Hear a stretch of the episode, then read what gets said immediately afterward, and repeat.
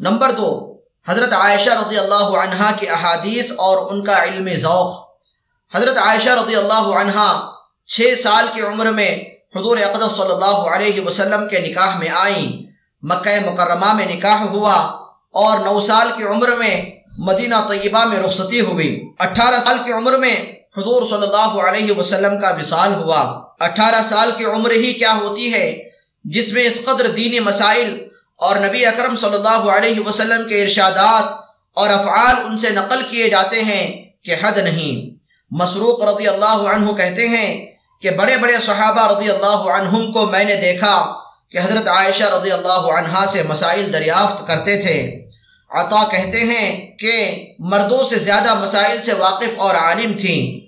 ابو موسیٰ کہتے ہیں کہ جو علمی مشکل ہمیں درپیش آتی تھی حضرت عائشہ رضی اللہ عنہا کے پاس اس کے متعلق تحقیق ملتی تھی۔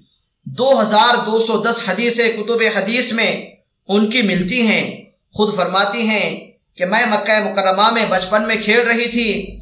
اس وقت حضور اقدس صلی اللہ علیہ وسلم پر سورہ قمر کی آیت، بل الساعت موعدہم والساعت ادھا امر نازل ہوئی۔ مکہ مکرمہ میں آٹھ برس کی عمر تک حضرت عائشہ رضی اللہ عنہ رہی ہیں۔ اس کم عمری میں اس آیت کے نازل ہونے کی خبر ہونا اور پھر اس کا یاد بھی رکھنا دین کے ساتھ خاص ہی لگاؤ سے ہو سکتا ہے، ورنہ آٹھ برس کی عمر ہی کیا ہوتی ہے۔